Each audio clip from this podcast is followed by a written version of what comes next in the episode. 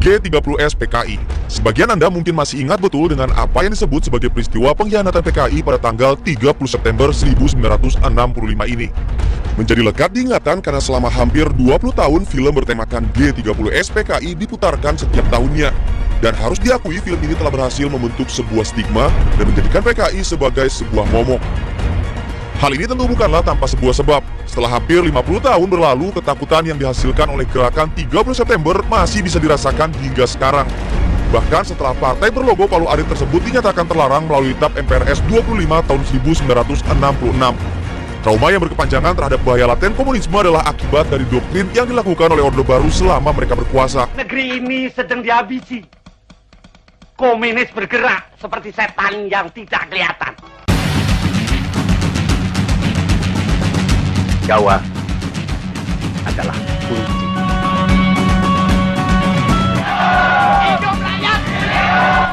sangat besar karena durasinya sangat panjang lebih dari 4 jam dan uh, film itu di, wajib ditonton uh, setiap tanggal 30 September uh, selama belasan uh, tahun di seluruh Indonesia dan ditonton oleh uh, jutaan siswa uh, tentu film itu membawa bekas yang sangat besar di dalam ingatan uh, terutama generasi muda gitu.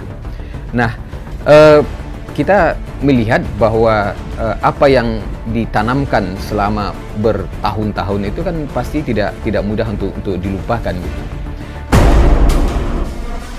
Ada seorang ibu tetangga dia di daerah Menteng itu yang akan melahirkan uh, anak itu pada tanggal menurut perhitungan dokter tanggal 30 uh, September gitu. Tetapi sang ibu yang tidak mau uh, anaknya itu uh, lahir pada tanggal itu kemudian uh, meminta dokter itu melakukan operasi sesar gitu supaya anaknya bisa lahir satu hari uh, lebih awal dari tanggal 30 September gitu.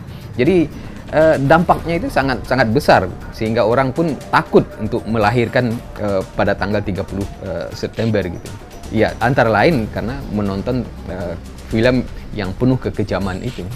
Digambarkan di sana perempuan-perempuan melakukan tindakan yang tidak berperi kemanusiaan, menari-nari dalam keadaan semi telanjang dan melakukan uh, penyiksaan bahkan penyiksaan seksual. Dari bukti forensik tidak ada sebetulnya peristiwa itu terjadi.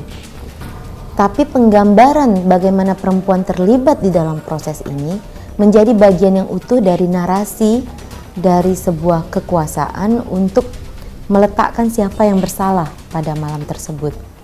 Nah, Bahkan kelompok perempuannya sangat tertentu satu uh, gerakan wanita Indonesia yang kemudian untuk gerakan perempuan berikutnya itu menjadi momok. Perempuan-perempuan yang aktif di wilayah publik bahkan sampai sekarang pun masih bisa dilabel hati-hati nanti kamu jadi geruan. Bahwa memang ada usaha dari pemerintah Orde Baru untuk menunjukkan lewat buku sejarah, lewat film yang ada, dan sebagainya untuk menunjukkan bagaimana PKI eh, berlaku dalam proses sejarah Indonesia pada waktu itu. Ada memang. Tentu saja ya apa yang ditulis oleh macam-macam pihak ketika itu ya tentu sesuai dengan kehendak penguasa selalu terjadi apalagi di dalam negara otoriter di negara komunis juga terjadi hal yang sama. Stigma terhadap komunis dan PKI sudah semakin mendarah daging di Indonesia. Tidak hanya di tingkat masyarakat jelata, anggota dewan pun ternyata masih belum mau membahas masalah ini.